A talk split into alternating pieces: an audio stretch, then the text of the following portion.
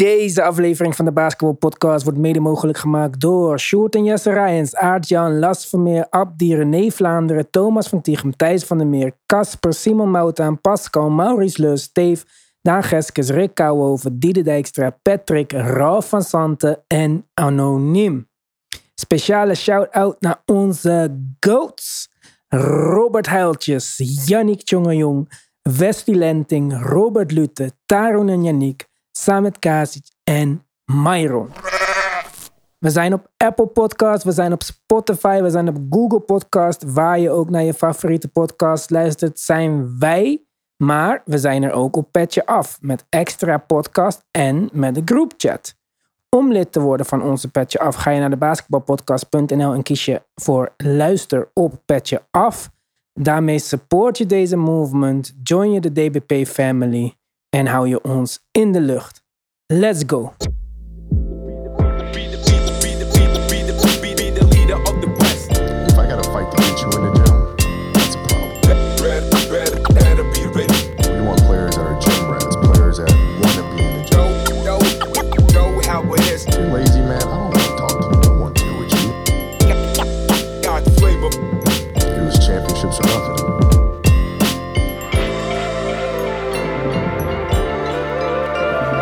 Ja, jongens, daar zitten we weer.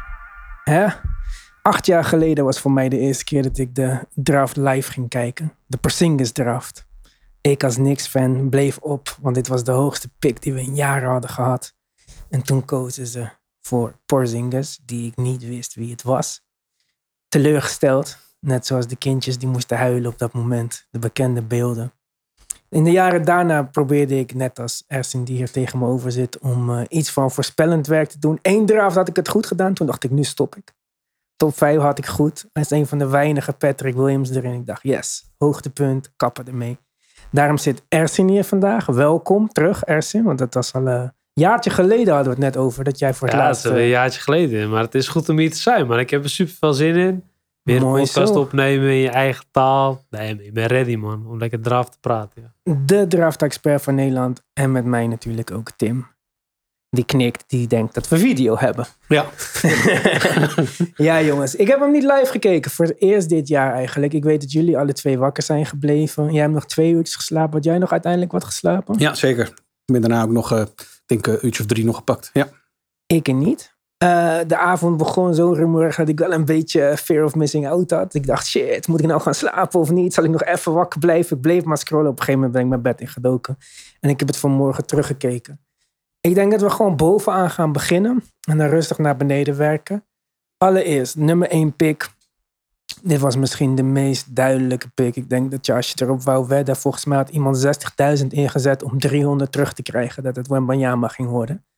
Jij was niet zo super gecharmeerd van Wembanyama een jaar geleden nog. Is dat veranderd in de loop van het jaar? ja, dat is zeker veranderd, man. Mijn zorgen waren meer. Hij speelde toen bij, nog bij Asvel. Er was Mhm. geen open route voor hem om echt gaan starten te spelen. Started heavy minutes met veel usage. Maar toen ging hij naar de Metropolitans. Die hadden een hele strategie om hem heen. Het was zijn team, het was zijn show. Hij kon doen en laten wat hij wilde eigenlijk. En toen kon hij echt zijn ware talenten laten zien. Waar Asvel hem een beetje tegenhield. En het mikte op blessuregevoeligheid. En dat toch wat hot topic was. Waar hij misschien niet nummer 1 zou gaan. Dat is hoe ik in eerste instantie Ja. dacht. Maar goed, hij heeft geen wedstrijd gemist. Hij heeft die- voor Frankrijk gespeeld. Ze zijn, hebben ze de finals gehaald. Hebben ze verloren tegen Monaco, wat geen schande is. Deze gast was de doodgeverfde nummer 1. Zonder Ja. twijfel. En hij heeft het ook dik verdiend. En ik ben heel blij voor hem. Man. Na Bargnani weer een Europese nummer 1 pick. Ja, En al, Bargnani is alweer bijna 20 jaar terug. Dus het is eh, voor ons ook belangrijk dat dit gebeurt. Ja, alle twijfels een beetje weggenomen over zijn eh, gezondheid. Er werd Ja, al gevraagd van, man. eh, you need to bulk up. Hij zei, you need skinny up. En eh, zijn hele team gaat met hem mee waarschijnlijk. Die werken rond de klok om hem fit te houden. Dat is al positief. Optimaal geprofiteerd denk ik van deze connectie met Tony Parker en de NBA. De NBA heeft ze eigenlijk in het afgelopen jaar als een soort van Europe Ignite gebruikt om Ja. eh, te promoten. Ja. En hij was gisteren ook overal. Het is een charmante jongen. Zelfs eh, zijn zus was opgedoken, die opeens niet lelijk blijkt te zijn. Nummer 1 pick. Ik denk het beste team mogelijk. We hebben op de Instagram het telefoontje met Pop gedeeld. Die, eh, die was ook blij, denk ik. En die gaat waarschijnlijk nog drie jaar door ook. Dus eh, Tegen een keurig salaris. tegen een keurig salaris. Dus, dus dat is denk ik gewoon naar verwachting uitgepakt. Ja. Dan hadden we de nummer twee pick. Ja, sorry dat we niet verder gaan praten over Ja. Wembanyama, maar iedereen weet Ja, het ik heb nog wel een kleine toevoeging voor Wembayama. Voor de mensen die nog twijfelen over zijn blessures, gevoeligheid, potentieel risico. Eigenlijk was een, eh, zijn agent die vertelt dat ze hem zo voorbereid hebben dat ze heel zijn lichaam getweakt hebben. Dus hoe hij landt, dat is anders. Mhm. Hij gaat niet bulken, heel langzaam. Dus het is, ze hebben zijn lichaam al een beetje voorgeprogrammeerd in zijn doen en laten. Dat het risico dat hij verkeerd landt zo minimaal is eigenlijk. Ja, het, Het is eigenlijk, klinkt moet cliché, sterker maar worden. precies. Hij is al twee, drie jaar is volgens een heel streng trainingsprogramma is hij aan het werk. En voor de Spurs, dat is gewoon, ja, het voorbereidende werk is voor hen al gedaan. Het is, eh, Ja. Ja. en hij is ook naar een goede franchise gaan die succes heeft met dat soort prospects. Ja. Waar de bustkansen heel laag zijn. En ze zitten zo diep in een rebuild. Nou, het is allemaal in zijn handen. Maar het is wel belangrijke context voor Wembanyama om mee te geven. Dat, ehm, Precies. het is niet de gemiddelde 7-plus voeter die eh, in één keer in de NBA terechtkomt waarvan je verwacht, nou, het zou wel eens mis kunnen gaan. Ik ben heel erg zeker van dat het goed gaat. En hij heeft het seizoen geen wedstrijd gemist. Dat is een heel belangrijke detail om te delen eigenlijk. Oké. Nummer twee pick. Vlak voor de draft kwam Shams, de undercover eh, spion eh, die alleen eh, tegenwoordig een mouthpiece is voor agencies en allerlei andere dingen. En in dit geval FanDuel, die nog eventjes de laatste betting odds wou veranderen. Dat het misschien toch iemand anders ging worden met de nummer twee pick. In dit geval Scoot dan. Maar eh, de Hornets kiezen voor Brandon Miller. Eh, zeg ik het goed? Ja. Eh, afgelopen week veel in het nieuws geweest. Hij had het stoer aan het doen over Michael Jordan. Hij mist free throws en zo. Ehm, ja, we hadden het er even voor de uitzending over. Jij zei, weet ik niet of ik dat had gedaan. Nee, dat klopt. Als ik ook kijk naar zijn seizoen bij Alabama. Wat wel een heel groot voordeel is van Brandon Miller. Daarom dat hij ook een beetje doodverfde nummer 2, 3 was het hele jaar door. Is Alabama speelt zo'n NBA analytic style game. Geen midrange, puur layups en drie's. Ah, En de drietjes. Wat mensen wel snel vergeten is natuurlijk in Europa. In NCAA hebben ze ongeveer een gelijke drie, de driepuntlijn. En de NBA is iets verder. Mhm. Als je puur kijkt naar zijn NBA driepunters. Dan ligt het percentage een stuk lager. Rond de 35%, 34%. Mm. Dus bij tegen de lijn in college, wat eigenlijk een long two is in de NBA, deed hij dit heel erg goed. En daar heeft bijna niemand het over gehad. Maar zijn mechanics, alles kloppen. Het is gewoon, wordt gewoon een hele goede shooter. Dat is gewoon van dag één is dat wel bekend. Ja, Maar het is meer van, qua voorbereiding was het ook wel, hij kwam ook in een goede context terecht bij Alabama. En waardoor ik zelf ook meer respect voor zijn game kreeg, was, stel dat zijn schot niet viel, had hij ook heel veel andere mogelijkheden om toch zichzelf te laten zien. Meer getting downhill. Begin van het seizoen was het niet goed. Maar zijn rimfinishing werd gedurende het jaar werd het veel beter. Nou, we zagen meer een free throw merchant als hij het ook echt wilde. Goed contact, finishing to contact. Hij heeft ook een lichaam ervoor. Hij heeft ook een lichaam om wat sterker te worden in de komende jaren. Dit Ja. wordt gewoon een speler die waarschijnlijk een All-Star gaat worden. Misschien een meerdere keer een All-Star. Ja, maar Dus jij hij zegt was wel zo'n top 5 pick geworden. Maar voor twee, voor de Hornets. Ja, ik heb toch, toch, toch voor Scoot gekozen. Dat, eh, Ja, maar hij heeft genoeg, je zegt sterker worden, hij heeft genoeg tijd om er, eh, om er rustig aan te trainen. Want het is niet alsof er van Nee. hem wordt verwacht of van de Hornets. Ik zie geen enkele manier. Zelfs als, eh hoe heet die, eh, pannenkoek, crimineel, terugkomt dit jaar, Miles Bridges. Oh, Ja, en de Nee, center dat- van vorig jaar Ja. nog zo'n volgende stap maakt. En Lamello een keer fit is. Ja, wat gaan ze doen? Eh, jij zegt Scoot. Ik weet niet eens of ik een pick had genomen. Want ik denk dat ik, denk dat ik liever twee picks terug had gehad. Of wat spelers. Want het lijkt niet de bedoeling van de Hornets om te gaan retoolen, rebuilden of zo. Ja, ik weet niet. Ik denk niet dat er een rookie is die goed genoeg is om dit te fixen, zeg maar. Nee, maar ik weet ook niet of dat, dat inderdaad dat per se het doel is geweest. En als je kijkt naar hoe groot deze twee talenten waren, of het was Scoot of Brandon Miller was, denk ik ja, als organisatie voel je volgens mij op een gegeven moment ook de druk om het gewoon niet te laten passeren. En in dit geval gold het voor de Hornets denk ik ook. Er zijn eh, zat mensen geweest die, eh, vooral Scoot, maar in mindere mate Brandon Miller gewoon als, ja, nou ja, franchise pieces niet, maar zeker meervoudig All-Stars hebben ehm, getypeerd. Ja, weet je, dan, dan moeten er wel hele, hele goede packages bij je binnenkomen voordat je zegt, ehm, we, we, we gaan voor in dit geval een aantal andere spelers plus Als je. Zion of Ingram had kunnen krijgen.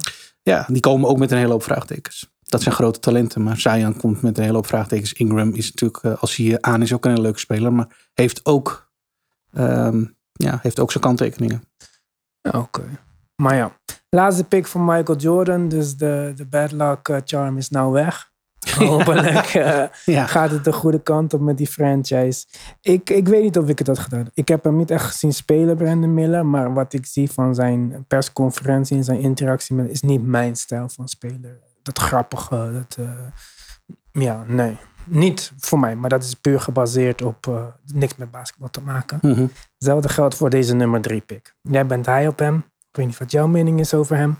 Maar voor mij, deze hele bedazzelde pak met de grill in zijn mond. eh, ja, perfect fit man. Naast een echte rapper in Portland. Allebei eh, 1,80 meter. Nee. Dit is voor mij de... Ik zou hem van mijn levensdagen niet hebben gekozen. Hij ziet eruit als een kruising tussen Ja Morant en eh Lil Yachty. Weet ik veel. Wie rapt tegen Ja, ja. dagen. Ja, je bent enthousiast over hem. Ja, maar heel enthousiast, man. Ik denk wat Scoot voor mij anders maakt is... Als je kijkt naar voorgaande jaren, bijvoorbeeld naar Ja Morant om een voorbeeld te noemen. Ja Morant werd geroemd om zijn athleticism. Maar in termen van feel for the game was het... Oké, wat gaat deze man... Ja, dat Als wel. athleticism wegdenkt, wat gaat deze man kunnen doen in de NBA? Natuurlijk, Ja Morant is een succesverhaal geworden natuurlijk. Nou. Last minute, last Ja, ik weet niet of we dat succes kunnen noemen. Maar, ik denk dat tot last minute, Ja. dus tot, tot last season was het echt gewoon een succesverhaal. Met Scoot Henderson, wat je ziet is, hij was 17 jaar, kwam met de G League Ignite in. In termen van een pick-and-roll playmaker, de reads die hij uitvoert als 17-jarige tegen pro's, was gelijk van oké, wat is hier aan de hand? In termen van feel voor de game en zijn athleticism, die twee tezamen met die leeftijd. Hij was eigenlijk een beetje in sommige draft, eh, ja, was hij wel het gedoofverfde nummer 1, misschien in vorig jaar. Ja, gedoofverfd, misschien niet gechargeerd, maar in ieder geval in contention voor nummer 1. Ondanks was hij, dat hij zo jong was. Mhm. En toen bleef hij een extra jaar voor de G-League Ignite spelen. Ik denk dat het een hele goede beslissing was, omdat hij als een shooter heel veel werk nodig had. Hij schoot vorig jaar rond de 20% op redelijk eh, volume. En je zag aan hem, het verschil tussen high school en pro's was gewoon te veel. Daar hebben er meerdere spelers last van gehad. Heb Jayton Hardy ook last van gehad. Maar hij maakte het verschil met zijn playmaking in de minuten die hij kreeg. En dit seizoen ging hij daar gewoon vrolijk mee verder. Ja, maar enige- shooting hoeft hij geen zorgen om te maken. Want eh Dame eh, gaat heel veel schoten nemen Ja, als die blijft. Hij gaat gewoon eh, hij gaat meer het spel verdelen. En eigenlijk de NBA tegenwoordig point guard spelen is het moeilijkste wat er is. Omdat je moet kunnen schieten. Ik bedoel, van andere teams kunnen zo makkelijk gewoon jou voorbereiden. Als jij niet kan schieten, oké, let's say off. We gaan gewoon diep in de paint. Laat maar zien dat je de bal ergens goed kan krijgen. En daar gaat Scoot in het begin denk ik wel moeilijk mee krijgen. Maar goed, hij gaat naar Portland. Ook al willen die winnen. Maar goed, dat willen ze al jaren. Hij speelt achter Lillard. Hij speelt achter Simons. ik Het denk niet dat hij achter goede- speelt, hè? Ik, Uit- ik denk niet dat Lillard blijft. Volgens mij is het duidelijk geworden dat Lillard eh, geen zin heeft om met een jong team te gaan spelen. Dus of eh, Portland gaat eh, rondom Lillard heen bouwen nu de komende, komende weken. Of ze moven Anthony Simons en doen het allebei. Ik moet, ik moet dat nog zien. Resignen Jeremy Grant, move Anthony Simons voor een meer geschikte kandidaat. Scoot in dubbele, ja, een beetje backup-achtige Ik denk backcourt. Scoot, eh, Lillard. Ja. We hoeven niet eh, met mij daarover te hebben, want ik weet eh, dat de kleine Nee, maar nooit gaan werken. Het kan aanvallend super dynamisch zijn. En dat is het ook wel, denk ik. Hoe is hij verdedigend dan? Want vind het verdedigen vind ik hem heel sterk, man. Ik bedoel, hij heeft hele lange armen. Het Qua alleen wingspan maakt het heel goed. Maar goed, 6'2 is altijd een risico om mee te Donovan bouwen de Mitchell heeft ook een lange wingspan. Nou, dat is ook niet goed Ja, uitgepakt. Als je kijkt naar zijn lichaam als een 18-jarige, die gast is gewoon ripped. Ja, is En dat is een hele goede point of Ja. attack defender. Ik denk in de G-League Ignite, de context is meer van, oké, dat is qua pitch is het even iets anders dan NBA. Het is En een goed, beetje Harlem ook- Globetrotter level, zo Ja. wat, wat ze spelen. Nou, het is, wordt niet goed verdedigd. maar is hij deed als verdediger deed hij het heel goed in een G-League Ignite team die al jaren bijna geen defense speelt. Ja, maar daar zijn ook mijn vraagtekens. Kijk, zijn fysieke staat, daar heb ik geen enkele Ja. twijfel. Deze Ja. jongen is nog fitter en breder en sterker waarschijnlijk dan heel veel NBA-spelers. Dus perfect. Schot, wat jij zei, voilà, kan komen. Dat, eh, als de mechanics oké zijn. En, eh, maar eh, hij speelt twee jaar in een demonstratieteam. Ja, ik weet niet hoe je dat kan beoordelen dan dat je het kan verantwoorden om iemand zo hoog te nemen die ja, geen fit is met je franchise. Ja. Hij, Ik weet niet man, een 6-2 speler van de Harlem Globetrotters. Ik, Nee, je zoekt eigenlijk meer naar die flashes die je ziet. Als je ziet ook hoe hij is aan defense, als screen navigator bijvoorbeeld. Het ziet er heel goed uit, vooral voor zijn leeftijd. Dat soort dingen zijn belangrijk. Het is, eh, Als je kijkt naar college basketball bijvoorbeeld te noemen. 6'2, 6'3 guards. Je vindt ze overal. Maar allemaal, ze gaan allemaal dood op screens. Maar deze man niet. Deze man vecht er doorheen. Hij heeft geleerd om niet te foulen. Ik bedoel, van, hij maakt gewoon hele goede beslissingen. En natuurlijk, hij gaat fouten maken. Maar daar is hij 18 jaar voor. Het is, eh, het is niet NBA ready. En dat hoeft ook niet. Zie jij een kans dat hij samen met Dame speelt? Ja, het is, wordt, op een gegeven moment moet het zijn team worden. Ik denk dat het in jaar 1 niet realistisch is. In jaar 2 maar- misschien ook niet. Ja, het hoeft niet Maar zijn in team jaar te 3 is hij worden. 21, 22. Heeft hij die reps. En dan gaat hij dat team wel echt overnemen. Moet. Ja, dan En is ik zie hem ook ook wel- met pensioen. Dus, eh. Ik zie hem ook wel, een defensive fan, zie ik hem ook wel eens gewoon zijn strijps verdienen. Ik bedoel, van het is... eh, Nou, dat Hij mag is ook wel- wel. Kunnen ze goed gebruiken daar. En het- hij is ook heel vocal. Dat vind ik heel belangrijk. Elke keer als ik G-League Ignite keek, het is, hij laat zichzelf echt op het veld horen. Maar waar hij tegenaan liep dit seizoen, en ik denk dat dat hem nummer twee plek gekost heeft. Blessures. Kleine blessures. Waardoor het voor hem misschien niet lonend was om meer te spelen. Ik word toch nummer één. Of nee, sorry, nummer twee. ja, ja, En het ja. telt een beetje als nummer één in deze draft. Ik heb niet zoveel te verliezen. En ook al val ik naar drie of vier. Ja, liever dat ik gewoon fit naar de NBA ga. Dan dat ik. Mezelf voor twee nog steeds moet bewijzen. Wat eigenlijk niet hoeft. Uiteindelijk heeft het hem nummer twee gekost. Ja, maar dan moet hij blij maar hij is wel zijn. in een betere context terechtgekomen. Ik bedoel Ja. liever dat je jezelf in Portland bewijst. Onder Dame. Dan Ja. bij de Hornets die al jaren niet weten wat ze aan het doen zijn. Maar Dus- zelfs als het onder Dame of naast Dame... Dame is 34. Dus hoe dan ook tegen het einde van je rookiecontract Ja, is het jouw team. Dus maar perspectief Lamello, is er altijd. Ja, maar Lamello is 23. Ja, dus precies. dit was dat is de een andere kant kansloze... Het is eigenlijk zijn team natuurlijk. En ik zie niet snel... Je hebt natuurlijk 82 games, 100 possessions per game. Niet iedereen gaat fulltime spelen. Lamelle ook niet, maar alsnog. Ik had als ik Charlotte was voor hem gekozen. Maar ik ben blij voor Scoot dat hij naar Portland is gaan. Want het gewoon een betere fit is. Oké. Dus het is voor hem... Ik zie dit wel succesvol het Ik denk dat hij ook heel blij is om voor... Ik zie Portland als kansloos, dus eh, voor mij maakt het niet veel uit. hey, nummer vier. Amen. Kijk, dit vind ik de eerste eh, move waarvan ik zeg, oké, leuk. Hij kan niet schieten. Hij lijkt een wing die point guard speelt. Naast een shooting guard die heel veel schoten wil nemen. Naast een vier die de floor kan stretchen. En een center die het spel kan verdelen. Met een nieuwe coach die hamert op defense en van de grond op gaat bouwen. Dit is voor mij de eerste, nou dat wordt maar jammer, maar de eerste waarvan ik zeg, ja, dat vind ik nou een, een, een logical fit. En ik denk ook de vierde beste speler available. Ja, het is... Hij werd gezien als de vierde beste speler available. Maar Hij is Als je- oud, wel. Dat is misschien een enige Ja, kant. ik- hij is toch wel begin 20. Ik denk dat niet dat dat heel oud is. Je hebt liever een 19-jarige, maar ik denk dat het in zijn context niet veel verschil maakt. Wat eigenlijk Overtime Elite naar mijn idee wel speciaal maakt. Weer Ook al zijn ze nog... Toch? Nee, nee, eigenlijk niet zo. Wat je ziet is? Overtime Elite wil een beetje een andere soort college-achtige omgeving creëren. Waar die spelers gewoon naar school gaan. Dit seizoen zijn ze ook NCAA eligible. In termen van, ook al gaan ze daar weg, mogen ze nog steeds naar college. Vorig jaar kregen ze pro-contracten. Dan mochten ze niet naar college. Dus de Thompson Oké. Twins konden niet naar college.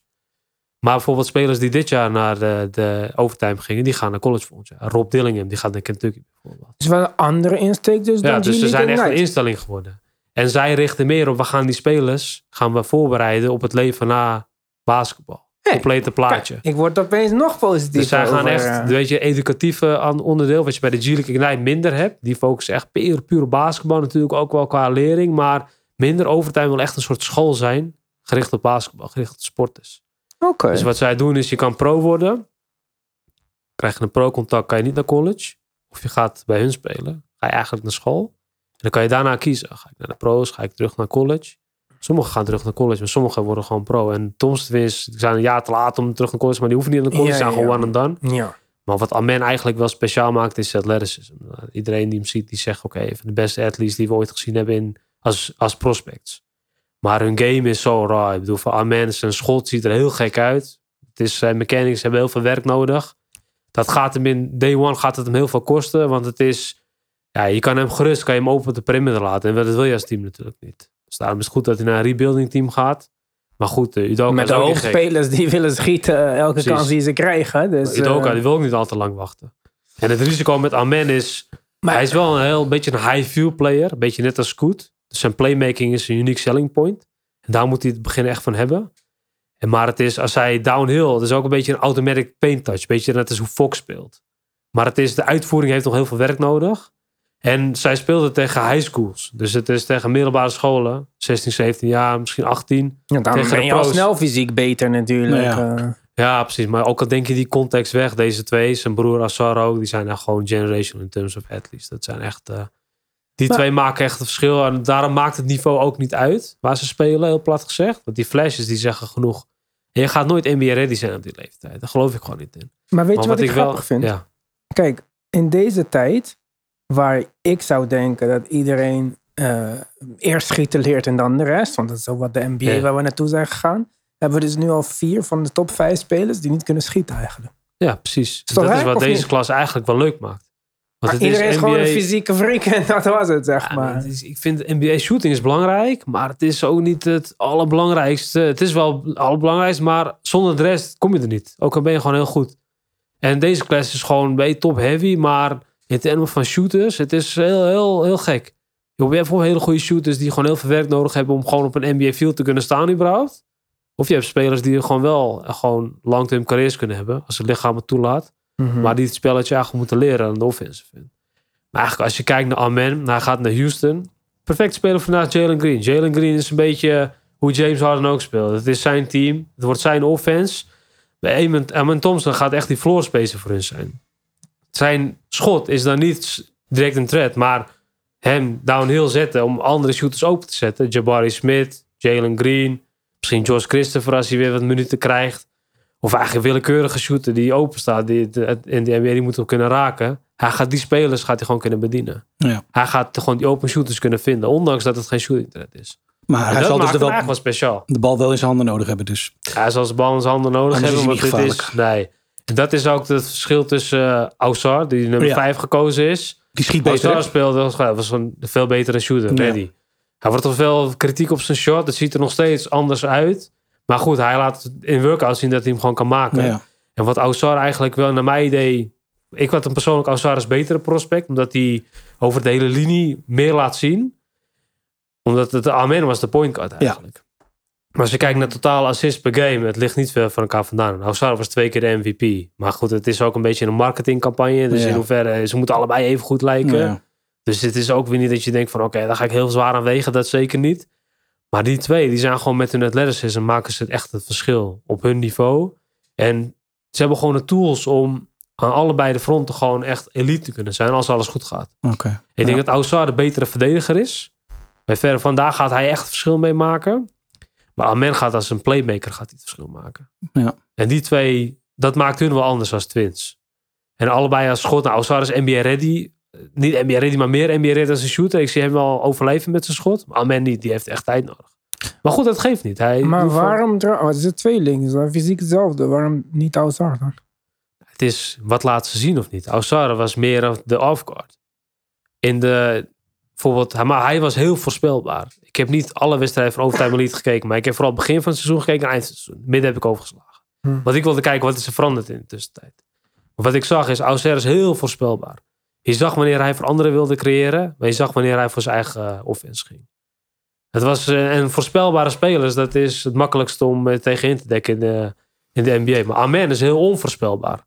Hij was heel vaak meer, meer het flamboyante karakter van zijn spel. Was meer van oké, ik gooi wat meer saus erin. Maar gewoon saus die leuk is om naar te kijken. En het is Mhm. gewoon, het voegt ook echt waarde toe. Hij kan gewoon voor zijn eigen offense gaan. Maar hij maakt ook, hij, gewoon die passing gaps die hij vond. Was gewoon dat je denkt van wow, dit is, eh, ook al is het niveau minder. Maar je ziet die flashes, dit is gewoon, dit is gewoon high level stuff. Het gaat gewoon in de NBA gaat het een verschil maken. Dat, tussen die twee maakte dat voor mij wel het verschil. Ik bedoel van, Amen is heel onvoorspelbaar. En het onvoorspelbaar, ondanks dat je zijn zwaktes kent, dat maakt toch wel Ja, intrigerend maar eigenlijk. dan denk ik dat het een goede fit is uiteindelijk. Want Houston hoeft niet zeker, zo man. onvoorspelbaar te zijn. Want Nee. die heeft Cunningham en Ivy en Precies, iedereen en om die gaat heen niet de lopen. point guard zijn in drie Dat is wat mij die betreft heeft het het in zijn handen. Die moet dus een schot raak schieten af en toe voorlopig. En die moet de eh, floor gaan spacen. Ja. Die moet gewoon af. Hij is heel goed als een cutter.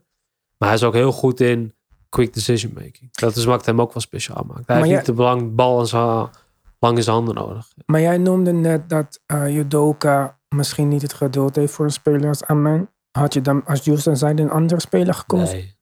Van, als je kijkt naar hun. Alper en Schengen is 20. Green Ja. is 21, 22. Jabari Smith is nog 19. Ze hebben geen keus. Je moet wel geduld hebben. Maar ik denk dat Udoka gaat van de finals naar een zware rebuild.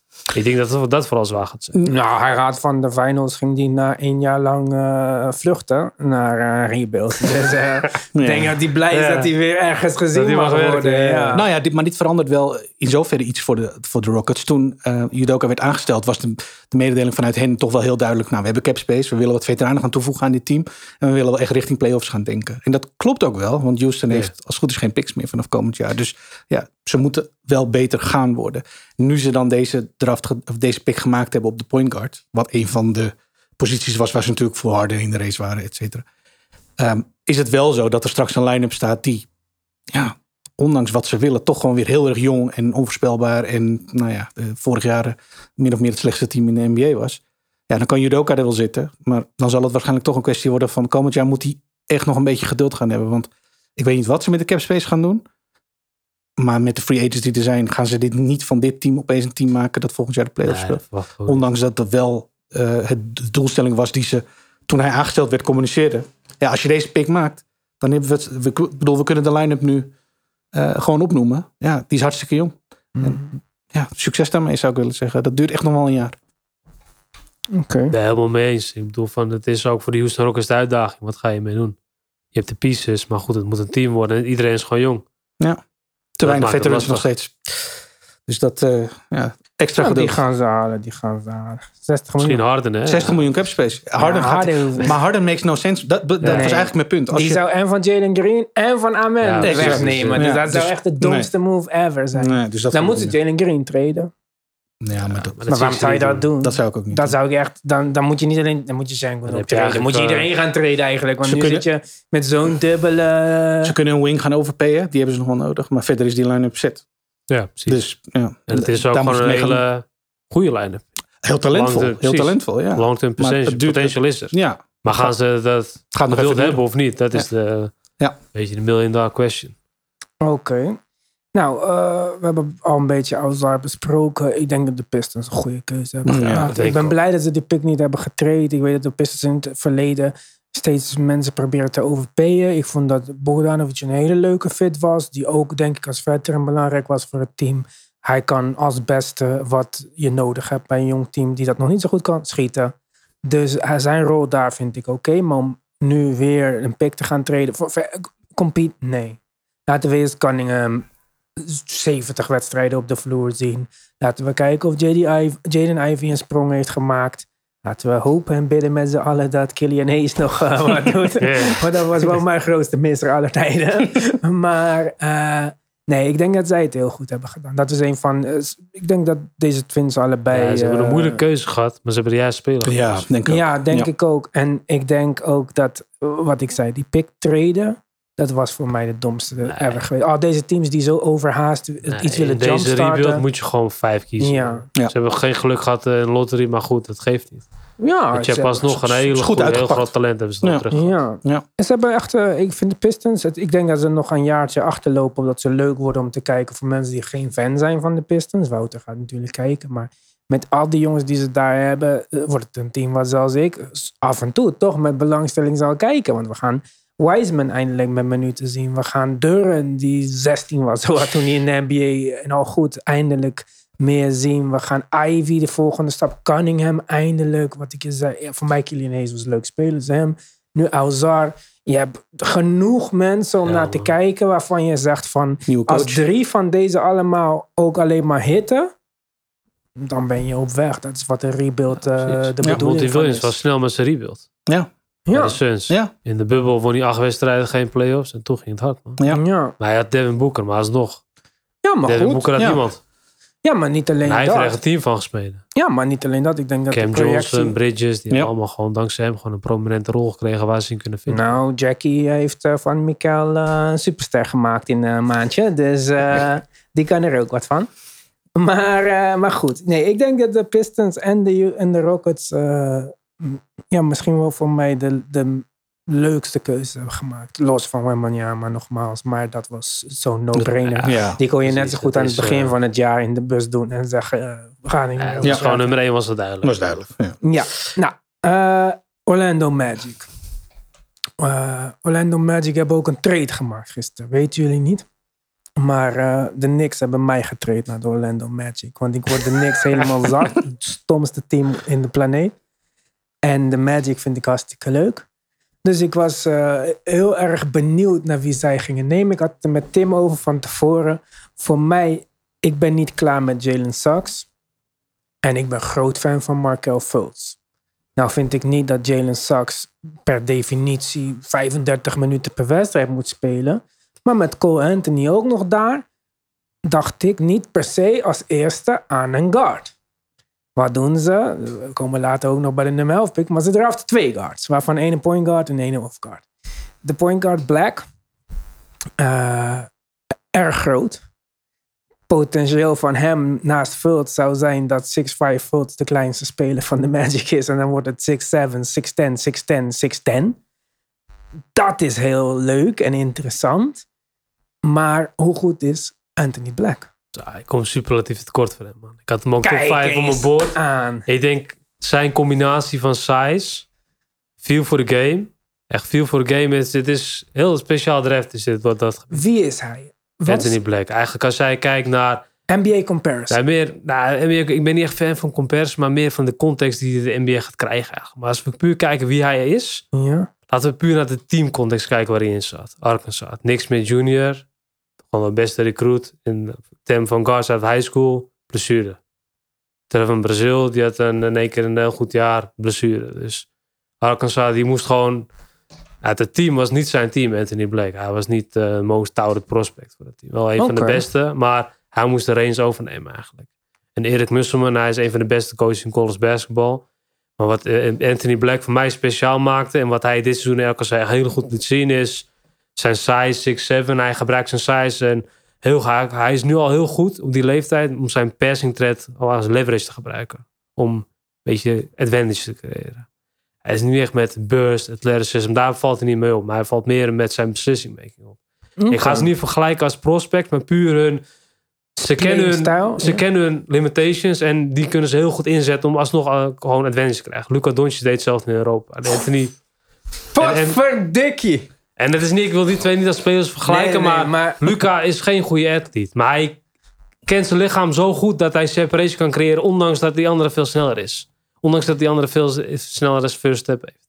En Anthony Black heeft precies hetzelfde. Man. We hebben in En de termen afgelopen finals voor de gezien- game. En het is qua playmaking, wat, maar dat maakt hem echt speciaal. Hij is een heel goede, hij read defenses heel goed. Met eye manipulation, dat doet hij echt heel goed. Dat zag je vooral in college basketball terug. We hebben in de afgelopen finals gezien dat de NBA fysiek ready en eh, dat soort dingen niet alles is. Dus eh, een beetje meer feel voor de game kan geen kwaad, Precies, denk dat ik. gaat ook naartoe. De athleticism wordt denk ik minder belangrijk. En echte fundamentals worden meer en meer belangrijk. En dat is wat hem eigenlijk wat speciaal maakt voor mij. Omdat bij de meeste Amerikaanse talenten, daar ontbreekt het qua fundamentals wel. Dat is vooral athleticism focused. Maar hij is, gewoon, hij is gewoon gemaakt voor het spel. Dat zie je gelijk hoe hij het spel gewoon qua, qua processing Kan die schieten? Ja, zijn schot is gewoon, eh, dat is eh, wat hem misschien geen top 3 prospect heeft gemaakt. Het schot Ah. is gewoon het eh, beetje zijn area of development. Dat is wel jammer. Dat Ja, is Magic wel kunnen Anders- gebruiken in de starting ik line. denk, Ja. anders was hij top 3 gegaan, zonder twijfel. Kan hij naast Veld spelen? Hij kan zeker naast veld spelen. Wat je met hem zag is, Arkansas qua spacing was zo slecht. Het moest gewoon denken aan vorig jaar Ignite. Het is gewoon, als je hun allemaal openliet, het was, ja, ik kon ze beter gewoon laten schieten. Maar ze moesten het echt gewoon met hun rim pressure hebben. En ze waren ook wel redelijk makkelijk te verdedigen, omdat ze zo voorspelbaar waren. Maar Erik Mussen was zo'n creatieve coach. En een creatieve coach met een creatieve speler is bijna altijd een succes. En dat zie je in de NBA zie je dat ook, goed, maar de college zie je dat ook goed. Hij maakte gewoon reads die je voor die leeftijd eigenlijk niet moest verwachten. En wat hem eigenlijk ook wel speciaal maakt aan de defensive end, dat is point of attack defender. Als een echt een high-level isolation defender. En dat gaat in de NBA voor de guard posities ook heel belangrijk zijn. Want nu, wie zijn de sterren? Over het algemeen de beste ISO players. Dat is belangrijk. En vooral in een playoff setting. Omdat je toch, omdat je zo voorspelbaar bent geworden als team. Omdat je zo, ondanks dat je zo'n grote playbook hebt. Dat je toch in de playoffs toch al in sommige dingen heel goed moet zijn. Dat zag je met de Miami Heat ook. En dat is wat hem op de lange termijn heel speciaal maakt. Ik denk Anthony Black als een playmaker. Dus echt als een playmaker, niet als eerste optie. Ik denk niet dat dat zijn rol is. En daarom denk ik blij dat hij in Orlando is gegaan. Omdat dat Paolo Banquero's team is. En eigenlijk Wagner als nummer twee. Hij wordt een beetje de nummer drie. En hij gaat dat Hey, team leiden in de niet backcourt. Markel Fultz eh, overslaan, eh, twee Ja, plekken. Het is, Het is toch als je kijkt naar dat team. Het wordt Paolo Banquero show. Ik denk dat het zijn de zo- tweede speler is aankomend. Ik hoop het voor hem. Dan is- heeft hij in ieder geval een sterke comeback. Ja, als we aan het het einde is- van vorig seizoen keken. Als was hij Frans naast Anthony niet, Black hè? gaat Ja. spelen, dan gaat dat hem heel erg sterk maken in. Hij kan hem veel beter maken op defense. Hij kan zijn limitations op defense kan hij goed heiden. Anthony Ja. Black is, als je kijkt ook ja, qua switches, hij kan ook wel best de wings verdedigen. Hij moet Ja, fysiek hij is wel wat 6'7, sterker mag, maar wie moet... Hij kan niet wings verdedigen, want er zijn drie mensen van 6'10 die achter de wings moeten aanlopen. Dus eh, Ja, het is hij moet wel wat sterker worden. Dat is denk ik gewoon natuurlijk verloop, omdat hij gewoon zo jong is. Nog Ja. steeds. Dat heeft met elke speler. ja, Ja. hij zag er ook echt Maar zo'n zijn intangibles zijn high level, man. Dat is gewoon wat hem echt speciaal maakt. En ik ben heel blij dat hij in Orlando is gaan, eerlijk gezegd, man. Ik had of Orlando of Washington, eerlijk gezegd. Dat is fit voor hem. Ja, vind ik ook leuk. Pak even Jet Howard erbij, want dat is de tweede speler Ja. die Orlando heeft gedraft in de lottery. Is een 6'9 wel schietende guard ook. Het is allemaal heel vreemd, vind ik. De zoon van Juwan Howard Ja. natuurlijk. Ja. Die kennen we allemaal nog van de Wizards. Maar nu ga ik jullie mogelijk iets vertellen wat jullie niet weten. Want weten jullie wie de nicht is van Juwan Howard? Nee, man. Dat is Angela Jackson. En weten jullie dat Angela Jackson twee zoons in de NBA heeft? Jalen en Jaden McDaniels. Het is het neefje van Jalen en Jaden, Oh, Jet Howard. Jezus. Een kleine Oh, wereldje. Ja, dus het is een hele goede genenpool als je van plan bent om Ja. future athletes te kweken, Ja. zeg maar. Ja. Eh, ja. Oh, grappig. Nee, dat wist ik niet. Kijk, heb ik ook nog eens wat eh, toegevoegd vandaag. Maar eh, Jet Howard, shooter, wat eh, moet ik nog meer Ja, als je verwachten? kijkt naar Orlando, ze hebben shooting nodig op de wings. Jet Howard is meer een wing eigenlijk. Hij Maar is hij een shooter of niet? Hij is een pure shooter. Shooting is zijn unique selling point. Shooting is wat hem juist speciaal maakt eh, als terms of prospect. Als verdediger is hij het echt, ja, heeft hij nog heel veel tijd nodig om te hij is wel hoger gedraft dan de Ja, meeste boards, hoger, toch? Ja, ik had hem zelf eind 20. Omdat ik niet in zijn defense geloofde. Ook niet in zijn rebounding. Ondanks dat hij zo groot en een sterke frame heeft. ja.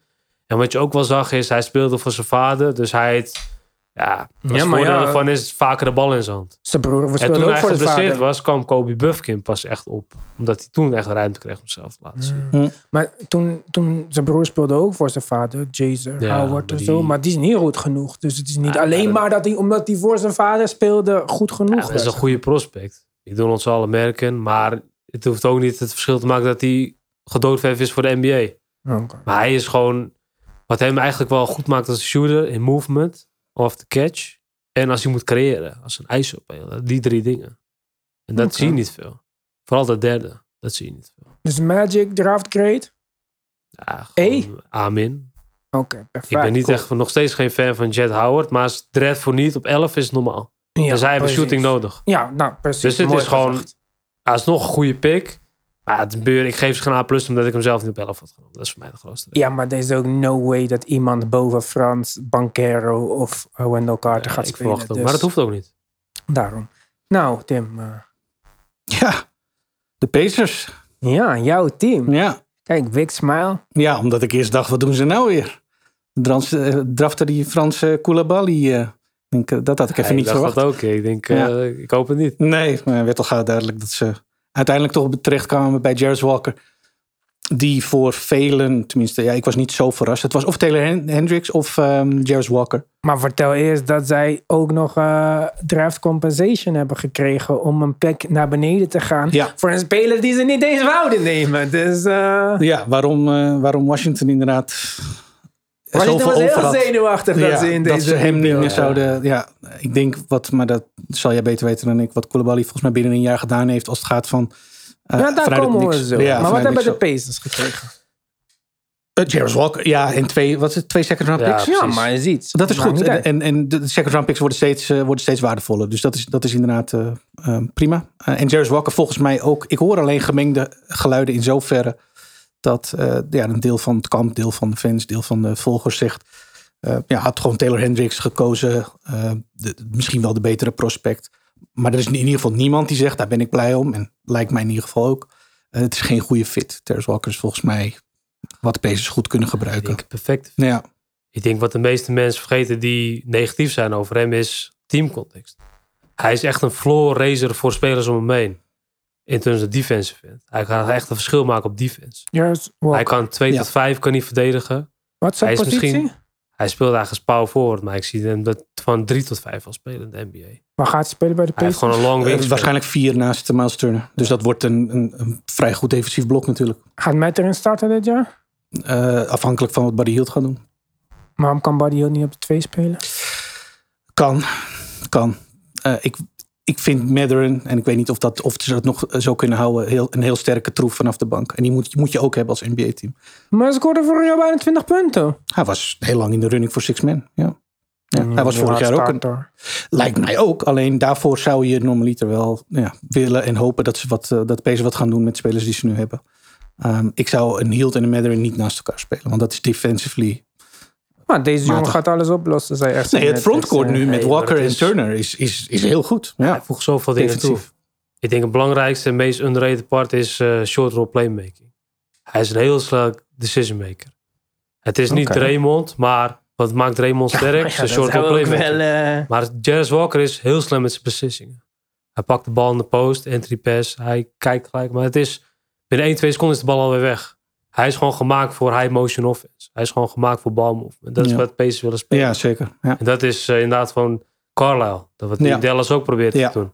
En dat is inderdaad, en daarom ben ik zo blij met die pick. Het was gewoon, hij was gewoon gedoodverfd om eh, naar de Pacers te gaan. Jij had niet Taylor Hendricks gekozen in die plaats per se. Nee, ik denk dat Taylor Hendricks bijna voor elke team wel over Jarvis Walker was gegaan. Maar dan komen we straks op, maar niet voor de Pacers. Oké. Omdat de Pacers hebben short roll playmaking nodig. Hun frontcourt is misschien defensief sterk, maar ook weer niet, omdat ze zo voorspelbaar zijn. En met Jarvis Walker haal je een beetje een, iemand die binnen die toch wel, ja, toch wel jou sterker maakt om voor de tegenpartij uit te vogelen. Van oké, wat gaan ze nou precies doen? En dan kan Miles Turner weer als vijf spelen. Want als Sabonis, ja, Miles is een goede verdediger, maar naast Sabonis was het Nee, nee, nee. maar- Miles moet Ja. vijf spelen, zeker. Ja. het, ma- het maakte hem ook niet heel sterk omdat hij naast hem speelde. Hij was echt voorspelbaar voor defense. Maar Jarvis Walker is een hele goede verdediger. Ik denk een goede floor stretcher ook. Niet echt als een floor space, omdat zijn schot... Hij begon wel met 40% schieten aan het begin van het jaar. Het ging toen naar beneden. Maar dat schot is echt, man. Dat, hij kan die in de, in de NBA ook wel maken. Kan die, is hij een beetje bewegelijk? Kan die een beetje katten en zo? Ja, maar het is niet zijn game. Ik denk Ook. dat zijn game meer is... Halliburton is echt een puur half-court playmaker. Dus het hoeft niet echt. Ik heb Aaron Gordon gehoord als naam. Is dat gek? Ja, nee, niet hele atletische speler, dat is Is niet gek. Nee, Ik in de rol, van, nee, in de rol bij Denver Ja. bedoel ik. Maar dat Dat het is best een van de beste cutters in de NBA. eh, Ja, ja. Gordon. Omdat hij naar Jokic speelt. Zijn passing is minder belangrijk. Maar ik denk Jarvis Walker met zijn passing heeft het verschil gaat maken. Oh, zijn short roll playmaking. Ja. Oké. En Miles is natuurlijk echt een defense en een kering verdediger. Dus die twee die voelen elkaar zo goed aan. Ja, Maar hij is misschien 6'7, 6'8, maar hij heeft over 7 voet wingspan. ja, En hij is gewoon fysiek, is hij gewoon ready.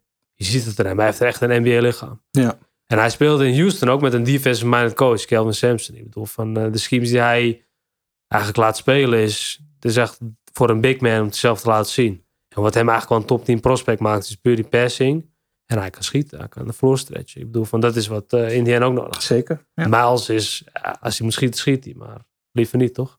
Nou, hij wil het wel zelf volgens mij. Hij kan het in ieder geval. Ja, Ja, en nu Tegen de Knicks heeft hij vorig jaar vijf driepunters raak geschoten. Dus Ja, eh, dat was niet Dus, de eh, hij bedoeling. is niet de enige. Die, eh, Nee, tweede ronde van de playoffs. Daar waren de Pacers niet. Oké, Ja, ik ben heel blij, go. man. Het is Tim, jullie hebben echt eh, het beste fitje. Het is, eh, ja dat dacht ik ook al. Dan wat vinden we van... Ik ga het vast niet goed doen, maar Bilal Koulibaly.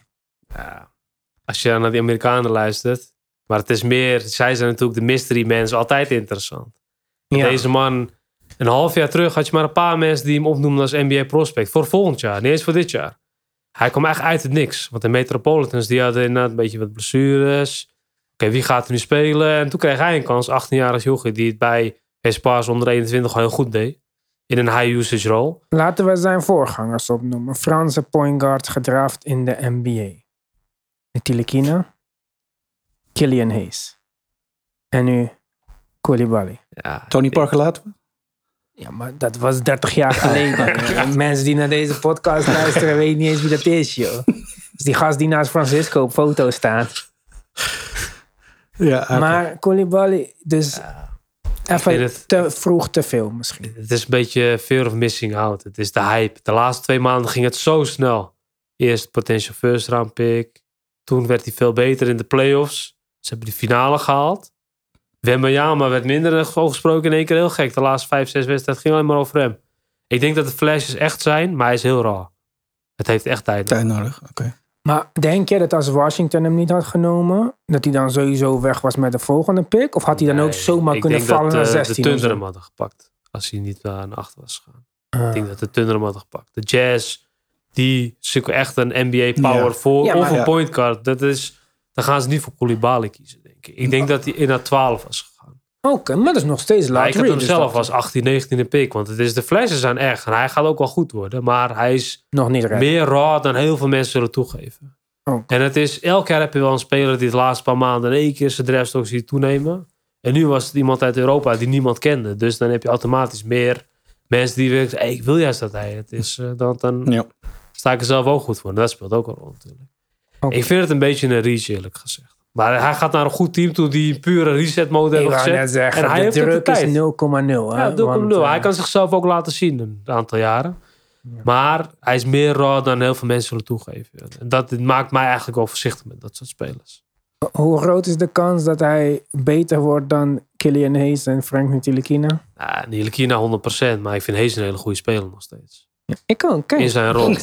Yes, je mag vaker volgens mij geluisterd. Hoe kan ik in deze podcast komen? Nee, ik ben man. voor de niks en ik vind Killian ik had hem lang nummer speler. 1 man toen in zijn jaren. Het is nog steeds waar ik heel veel spijt van heb. Joh. Maar goed, eh, dat soort dingen kan je niet loslaten. Zijn tekenen in Duitse was in competitie de Eurocup was hij gewoon zo goed man. Het was abnormaal. Toen ik hem Ja. zag spelen, dacht ik: dit kan overal. Maakt niet uit welke competitie. Precies. Verdedigend ready is hij nog steeds, denk ik. Ja, Alleen zijn schot was het, is eh, zo precies. slecht dat hij gewoon onzeker is geworden. Dat is echt jammer. Maar dat doet pijn. Ja. Goed, het is... eh Killian Hayes, ja, gaat waarschijnlijk wel beter worden dan hem. Maar als hij de kans krijgt. Killian Hayes uit een hele andere context. Ja. Ik weet niet of hij nog de kans krijgt. Killian? Nee, nee, ik denk het niet meer. Maar Koulibaly gaat hij wel krijgen. Want de Washington, die hebben gewoon een nieuwe front office. Die gaan precies, die weten wat ze doen. En je hebt het gezegd, hè? Killian Hayes naar de Spurs. Dit is de move die moet worden Ja, ik gemaakt. denk dat Popovich hem wel zou willen hoor. Maar goed. Ja, maar Spurs dat- hebben een niet prijs. point guard. is heel haalbaar. En ze ik hebben vind, nu Sidi Sissoko. Hè? Maar goed, ook komen denk ik later. Ja, ja. Ja, maar voor mij, als Killian Hayes naar de Spurs gaat en ze halen Mike Conley, dus dat je een combinatie hebt van Conley die gewoon de startende minuten en wat gelimiteerde minuten en wat begeleidend werk kan doen en ook een beetje pick-and-roll leren aan Wembanyama en zo, NBA eh half-court offense. En dan rustig aan Killian brengen voor perfect. Maar goed, nummer 9, Taylor Hendricks. Ja, ik denk voor mij in de top 10 naar Anthony Black de beste pick man. Oké, Ik denk de Utah niet Jazz. iedereen was enthousiast volgens mij over Utah, de, zijn Utah, keuze. Utah heeft een goede draft gehad, toch? een perfecte draf gehad man. Oké. Ik denk dat die samen met de Houston Rockets een van de beste drafts hebben gehad. joh. Maar eigenlijk wat Taylor Hendricks voor mij speciaal maakt. Is als je kijkt naar vandaag de NBA. Echt die power voor. Niet power voor, maar echt die power voor positie. Je moet kunnen schieten.